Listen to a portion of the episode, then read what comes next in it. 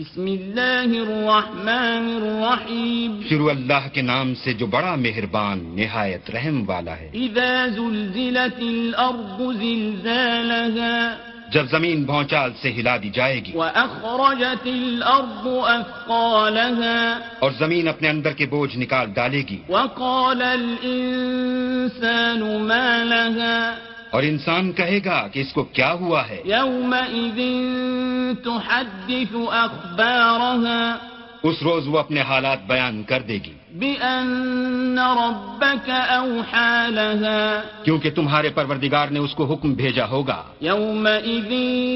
يصدر الناس أشتاتا ليروا أعمالهم उस दिन लोग गिरोह गिरोह होकर आएंगे ताकि उनको उनके आमाल दिखा दिए जाएं فمن يعمل مثقال ذرة خيرا يره तो जिसने जरा भर नेकी की होगी वो उसको देख लेगा ومن